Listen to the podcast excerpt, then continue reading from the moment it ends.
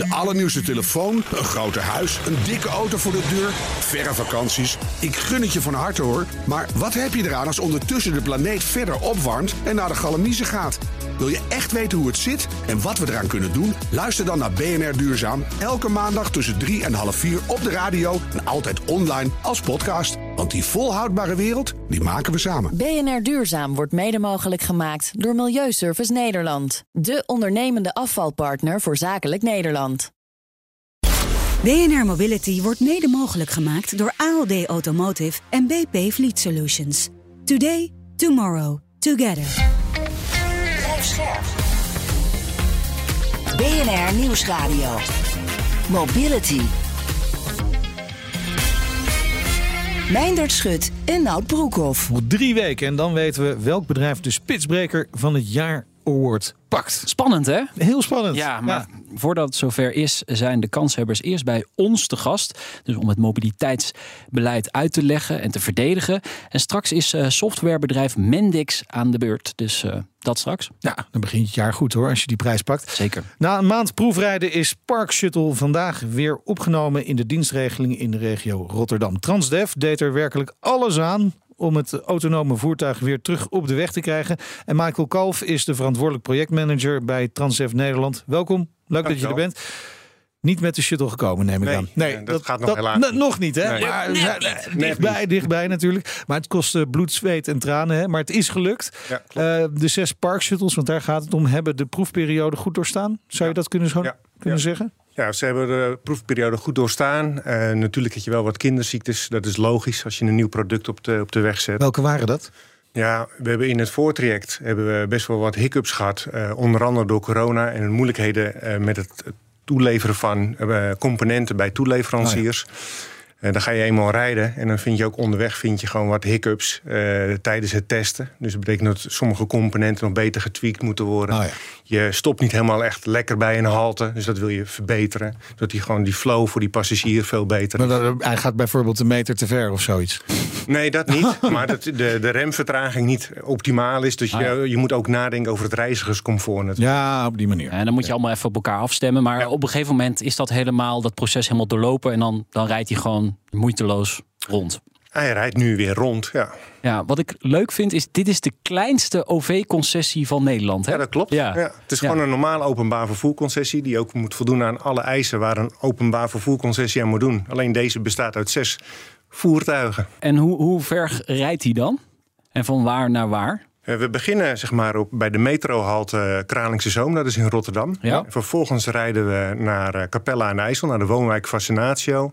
En vervolgens rijden we door naar het bedrijventerrein Rivium, dat is ook in, eh, in Capelle. En dus we ontsluiten een woonwijk en een bedrijventerrein. Ja, en eind en thuis, hoe, hoe ver is het van elkaar af? Ja, begin tot eind van dat traject is 1,8 kilometer. Oké. Oké, hoe lang doet hij daarover?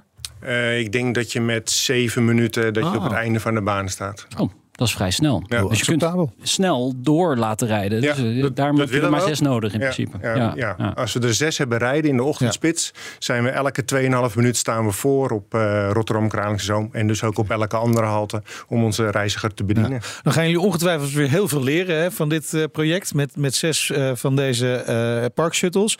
Maar het leerproces is al vrij langdradig natuurlijk, hè, zou je kunnen zeggen. Want het concept is niet helemaal nieuw. Eerste Nee. generatie dateert uit 1999. 1999. Jeetje. Vorige Man. eeuw. Ja, vorige eeuw. Dat was bij een van de rechtsvoorgangers van Connection. Ja. Eh, ZWN, eh, die zijn er toen mee gestart. Die hebben toen gereden tot 2002. Toen hadden ze het idee opgevat om een, eh, een nieuwe, moderne versie neer te zetten. Dat is ook gelukt in, in, in mijn beleving. Ja. Die is in 2006 eh, gaan rijden. Dat zijn die groene shuttles. Het waren er ook zes. En die hebben goed 13 jaar gereden. En toen moest er een derde generatie komen. Ja. Ja, en toen begon dat hele proces weer opnieuw. Ja. En corona kwam er ook nog bij. Maar Ja, en toen kwam dan natuurlijk de grap dat ze niet voor niets Park Shuttle heten. Want ze stonden nogal, Geparkt. nogal lang geparkeerd inderdaad. Ja, Ja. ja.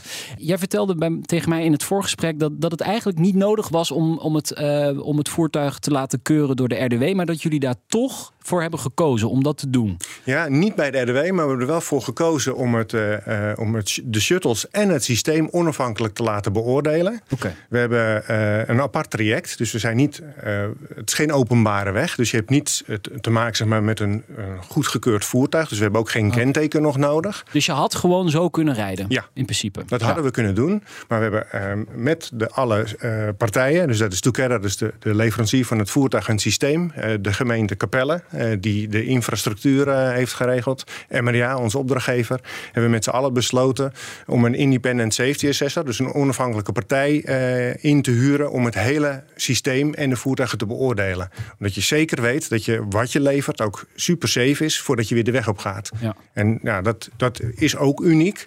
Eh, we hebben hem geprobeerd langs de laatste standaarden te halen. Dat is gelukt. En ook alvast de doorkijk te maken van wat nou als we straks ook nog naar gemengd verkeer eh, willen. Ja, want zou deze eh, versie van Park Shuttle dat kunnen?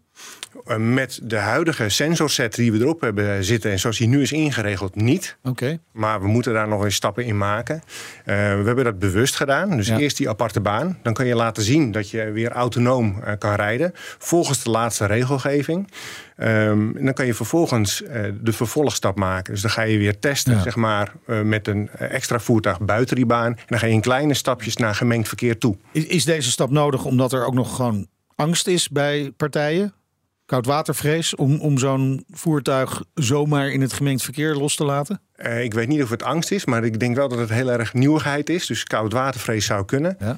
Ik denk bij alle partijen, want je gaat iets doen wat nog niet gedaan is. Ja, je ziet wel shuttles rijden eh, in de verschillende landen. Maar er zit altijd een steward aan boord. Ja. En ons uiteindelijke doel is dat we gewoon gemengd verkeer gaan rijden zonder steward. En eh, welk level autonoom rijden is dit dan? Ik heb het nog even nagezocht. Formeel mag je de huidige shuttles die rijden, eh, mag je level 4 eh, noemen. Wauw. Ja. Oh. En er zijn vijf levels, hè? Voor, Ja, voor, de, voor de duidelijkheid. laatste Ja. level is, eh, ja, maar Ja. dat is nu nog een brug. Toekomstmuziek. Ja, want Ja. ook nu zit er iemand niet in het voertuig, Nee. maar in een control room dus. Ja, dat, dat moet nog van, vanwege regelgeving. Dat je iemand langs die baan hebt die eventueel zou kunnen ingrijpen mocht er wat gebeuren.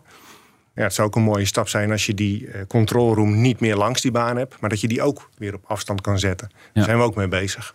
Er is best wel wat gebeurd de afgelopen jaren. We hebben een, een, eh, vorig jaar ook een uitzending gemaakt over het autonoom vervoer in Nederland. De stand van zaken. Ja. Joop Venus was hier hè, van de Ja. Future Mobility Network. Die zei, ja, we worden best wel wat tegengewerkt in Nederland. Heb jij dat ook zo ervaren? Dan ben je nog mild. Nou, Ja, ja, Ja. ja. Kijk, het verschil is waar Joop het over had. Die eh, waren al bezig zeg maar, met een, een, een, een verhaal in gemengd verkeer.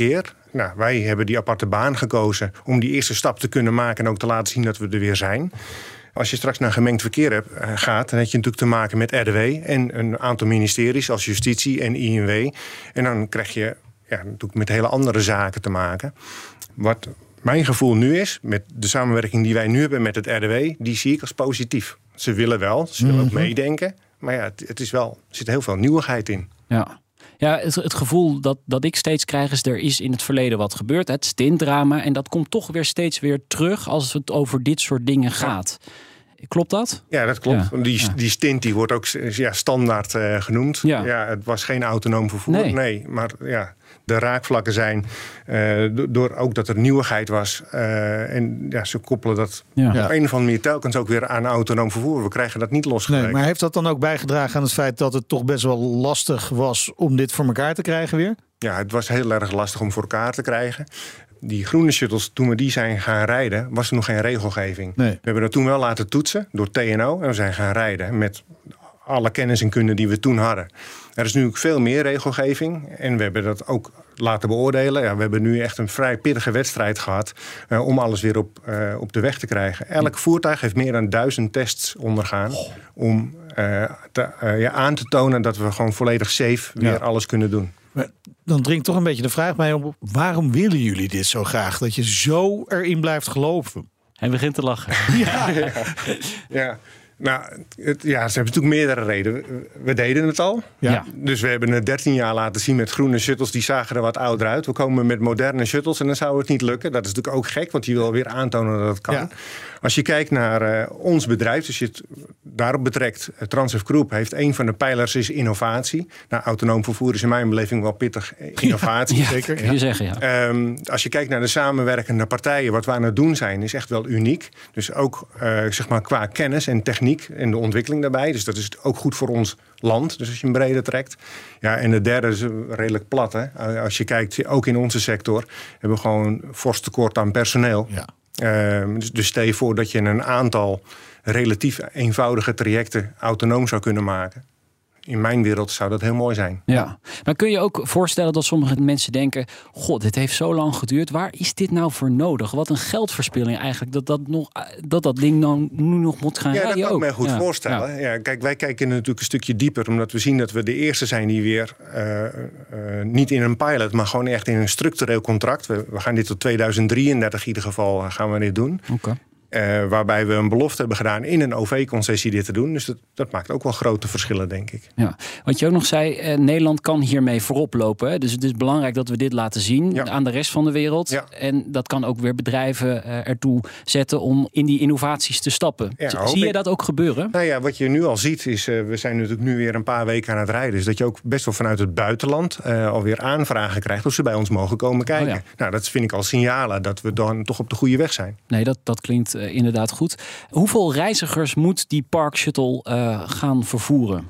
Ja, we willen er heel veel natuurlijk. Als je kijkt naar die groene voor corona, want dat is ook wel een belangrijke geweest in het openbaar vervoer, hadden we op een gemiddelde dag 1850 reizigers. Op topdagen zaten we goed boven de 2000. Je hebt natuurlijk verschillende uh, periodes, hè, kerstperiodes, zomerperiodes, ligt het allemaal wat ja, lager. Ja. Ja. Daar zouden we graag weer naartoe willen. Maar als je kijkt zeg maar, hoe we nu met elkaar werken. eh, je ziet ook op de be- het bedrijfterrein Rivium. Dat was altijd bomvol met parkeer- geparkeerd en met auto's. Ja. Dat is nu voor de helft gevuld. Dus dat zie je ook terug in eh, je reizigersaantallen. Dus we willen graag weer groeien. We Maar zaten dat, voor de dat heeft te maken met uh, thuiswerken. Ja, bijvoorbeeld. Dat, daar zie je dus echt in de praktijk dat het daadwerkelijk wel gebeurt. Want wij horen eigenlijk alleen maar verhalen dat dat thuiswerken, ja, Nou ja, dat is alweer zo'n In beetje ieder geval het passé. Riviumtrein zie ik dat dat, eh, dat dat gebeurt. Voor de kerst hadden we wel weer 750 reizigers zo ongeveer eh, op een dag. Dus we zijn wel weer groeiend. Toen was het wel gratis, hè? Ja, Ja. toen was het wel Vanaf gratis. Ja, niet we meer. zijn Nee, vanaf nee, nee. vandaag is het, eh, is het weer betalen. Nederlanders, hè? ja, ja, ja. Ja. Nou, en wat wel mooi is, eh, eh, de gemeente Capelle is heel druk bezig om het Riviumtrein te ontwikkelen. Ze willen daar 5000 woningen neer eh, gaan zetten. En voor ons als OV-bedrijf is dat ook mooi. Dan krijg je een tegenspits. Dus Oh ja. dat betekent dat je ook meer reizigers gaat krijgen. Dus daar kijken wij ook wel naar uit. Ja, dit is, dit is natuurlijk een, een, een traject waar jullie heel veel van willen gaan leren opnieuw. Hè? Ja. Hebben jullie al andere trajecten uitgestippeld in den landen waar eh, jullie dit ook zouden willen uitrollen? Ja, wel willen, maar... Eh, Nee, maar ik kan me voorstellen dat er meer vergelijkbare locaties zijn waar dit heel goed mogelijk eh, is. Ja. Ik, ik denk alleen maar aan ASML bijvoorbeeld, waar heel veel mensen naartoe moeten komen Ja, vanuit Eindhoven. treinen. Ja. Maar je ziet bijvoorbeeld ook dat MRA, de, de metropoolregio Rotterdam-Den Haag, onze opdrachtgever, ook op andere plekken aan het kijken is. Bijvoorbeeld op het traject tussen eh eh, metrostation Meijersplein naar eh, Rotterdam eh, Die Heek Airport. Dus dat is Oh ja. ook wel een eh, redelijk recht toe recht aan infra. Dus daar zou je naar moeten kijken. Niet te ingewikkeld willen denken. Nee. zeg Nee, maar is dat wel tussen ander verkeer?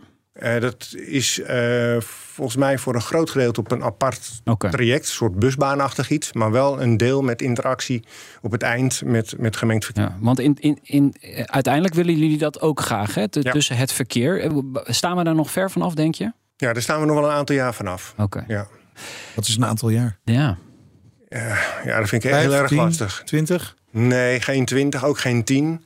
Het, eh, het, het zit onder de 5. Oh. Ja. Ja, maar dan eh, weer hetzelfde verhaal wat ik net aangaf. Mhm. Dat je het in een redelijke, eh, eenvoudige traject kan doen. Ja. Dus dat je wel gewoon kruist met ander verkeer. Dat je meerijdt met ander verkeer. Ja. Maar je moet het niet hier voor de deur moeten proberen op een te ingewikkelde rotonde. Nee, precies. Dus met eenvoudig infra geloof ik daarin.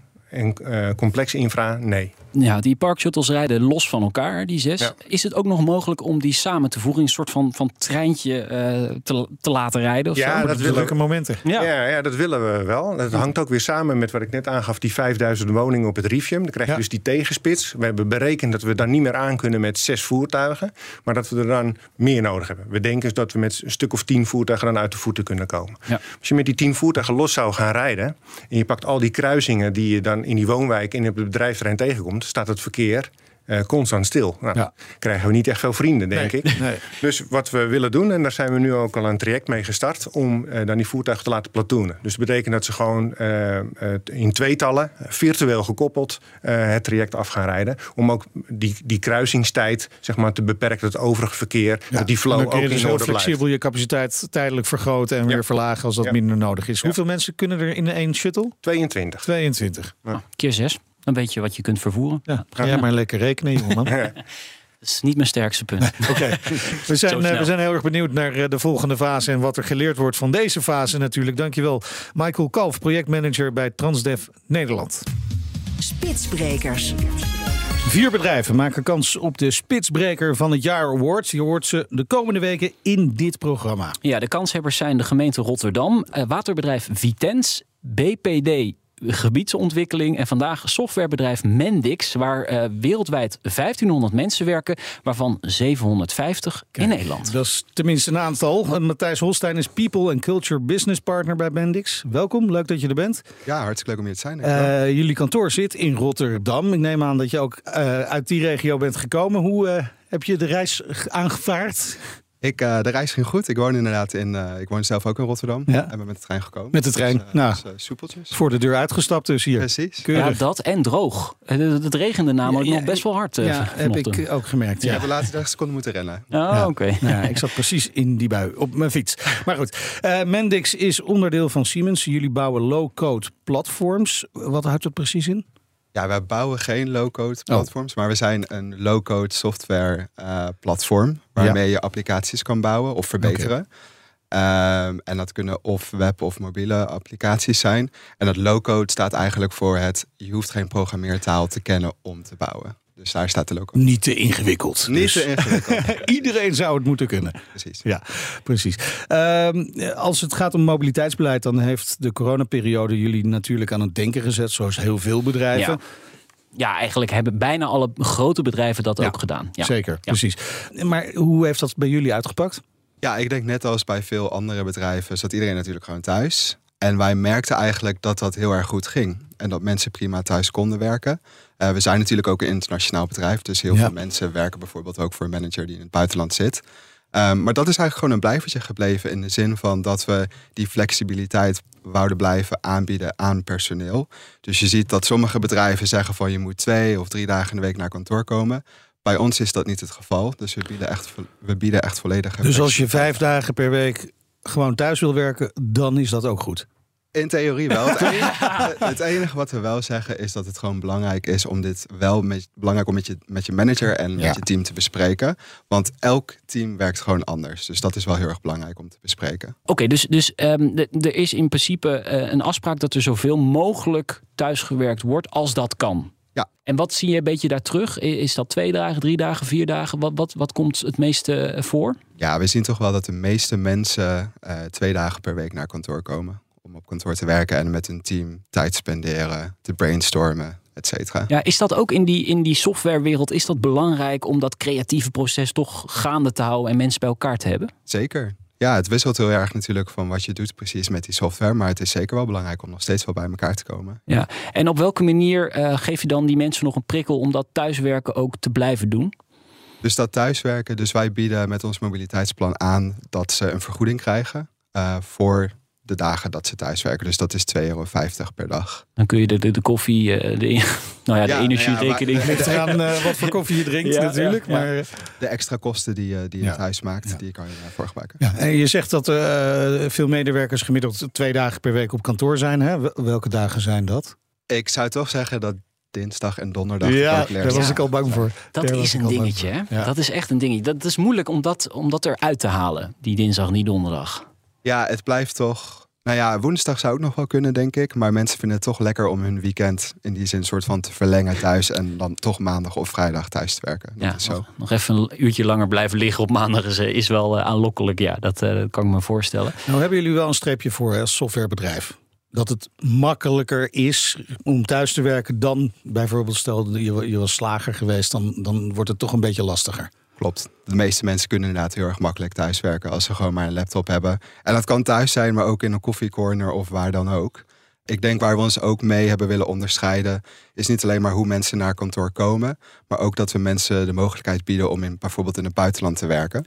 Oh. Uh, dus we hebben een programma uh, vorig jaar gelanceerd waarbij mensen 30 dagen in het buitenland kunnen werken. Als er maar een goede internetverbinding is. Als ze maar een goede internetverbinding hebben, inderdaad. Ze kunnen niet in de bush-bush gaan zitten. Nee, nou ja, je weet maar niet. Ja. Nee, maar, maar, maar dat is wel aantrekkelijk, kan ik me voorstellen, voor, voor heel veel mensen. Ja, we hebben heel veel internationale uh, collega's. Ah, oké. En die gaan ja, vaak, of nou, vaak die, die zullen gedurende het jaar naar huis gaan om familie, vrienden op te zoeken. En die vinden het dan fijn als ze dan vervolgens ook nog vanuit dat land wat langer kunnen werken en wat meer tijd kunnen spenderen met familie of vrienden. Ja, dat is mooi. En is die 30 dagen dan ook genoeg? De 30 dagen, ik zou persoonlijk willen zien dat we dat dit jaar nog kunnen oprekken. Oh ja? Mogelijk 60 dagen. Maar Oh, voor nu is het. wat voor plannen heb je? Uh, nou, sowieso, kijk, wij zijn natuurlijk onderdeel van Siemens. Uh, Ja. En we hebben dit plan vorig jaar. Het was echt een Mendix-plan. Het is een heel erg groot succes uh, geworden. En we, Siemens wil het nu ook gaan invoeren in, uh, wereldwijd. Dus ik hoop, zodra dat ook een succes is, dat we het verder lang kunnen oprekken. Je, je hoort het bij meer bedrijven. Hè? En, uh, vaak is het 10 of 20, maar 30 is wel aan 30 is wel veel. hoog. Als je dat nog wil, verder wil oprekken, dan is dat helemaal aantrekkelijk natuurlijk. Zeker. Ik kan me voorstellen, inderdaad, wat je zegt, je hebt veel buitenlandse medewerkers hè, die uh, dat koppelen aan familiebezoek. Maar het kan ook zijn dat je zegt met het hele team: jongens, we gaan even 30 dagen vanaf Bali werken. Gebeurt dat ook? Heerlijk. Dat, dat, heeft, uh, dat heeft helaas nog niet plaatsgevonden, maar dat lijkt me echt super tof. Ik zou ook heel graag met mijn team ja. uh, een week in Spanje willen werken. Ja, ja. Ik moedig het aan. Ik moedig het aan. Lekker in het zonnetje. Um, uh, de bedoeling is natuurlijk ook om het autogebruik uh, een beetje terug te dringen met, met spitsbrekers. En is dat ook gelukt? Ja, dus wij hebben verschillende reizigersgroepen binnen het bedrijf. Uh, een meerderheid daarvan zijn trouwens wel de mensen die met het OV naar kantoor komen. Okay. Uh, ik zou zeggen ongeveer 30% van onze populatie zijn mensen die wel of met een auto uh, reizen of een, een autovergoeding daarvoor in de plaats ontvangen. En toen wij, we hebben dit nieuwe plan vorig jaar gelanceerd, toen was het streven inderdaad van oké, okay, hoe zouden we eventueel ook mensen uit de auto kunnen krijgen? Um, voorheen konden mensen, kon die groep niet met het OV reizen naar kantoor en dat kan nu wel. Dus om echt aan te moedigen van hey, als er file is of wat dan ook, laat je auto alsjeblieft staan als je naar kantoor komt en kom met het OV in plaats daarvan. Ja, en ben je tevreden over het resultaat daarvan? Ja, we zijn natuurlijk net vorig jaar pas begonnen. En ik zou zeggen dat ongeveer 10, 15 procent van die groep inderdaad nu gewoon met regelmaat wel de auto laat staan. Maar ik vind wel dat dat beter kan. Oké, okay.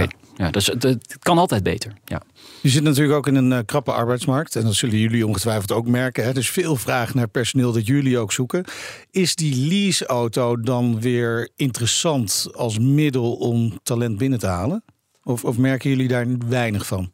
Um, ik denk dat het nog steeds wel belangrijk is, maar wij, hebben, wij nemen veel jonge mensen aan en die zijn toch wat minder geïnteresseerd in een leaseauto dan ja, de wat oudere generatie, laat ik het zo zeggen. Ja, ja. Um, Met grijze dus, haren en dat. Ja, dus dit, maar, maar als ze een auto nodig hebben, dan is wel de vraag van, ja, wat doen jullie dan precies ja, voor het milieu? Dus kan ik elektrisch rijden? Of weet je wel, dat zijn wel de vragen die ook die jonge kandidaten dan, dan okay. zullen stellen. Ja, en, en jongeren eh, experimenteren misschien sneller. Dus is deelvervoer ook een, een uh, iets dat jullie stimuleren?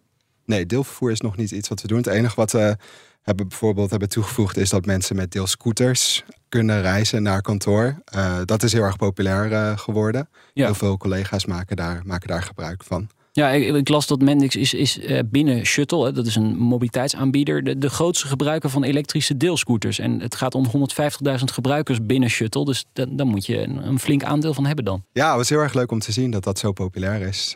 Je hebt in, in de stad Rotterdam natuurlijk heel veel bedrijven die dat aanbieden.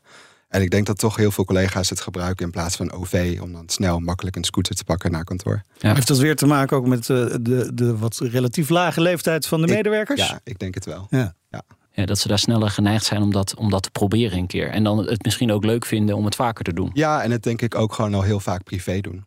En ja. dan is, is die overgang naar, oké, okay, ga ik dat ook gewoon als ik naar kantoor doe. Ja, dat, dat is minder grote barrière dan inderdaad. Goed, we zijn bijna aan het einde van dit gesprek. Brengt ons bij de slotvraag um, ja. die we iedere kanshebber stellen. Waarom moeten jullie de Spitsbreker van het jaar award winnen? Ja, ik ben dus echt dus meest trots op het feit dat mensen 30 dagen in het buitenland kunnen werken. En dat is vooral ook omdat Je ziet inderdaad dat meer bedrijven dit doen, maar vaak zijn er toch kleine lettertjes met het kan alleen maar binnen Europa of er zijn alleen maar zeven landen. In principe bieden wij echt de mogelijkheid om aan om in elk land te werken, waar dan ook.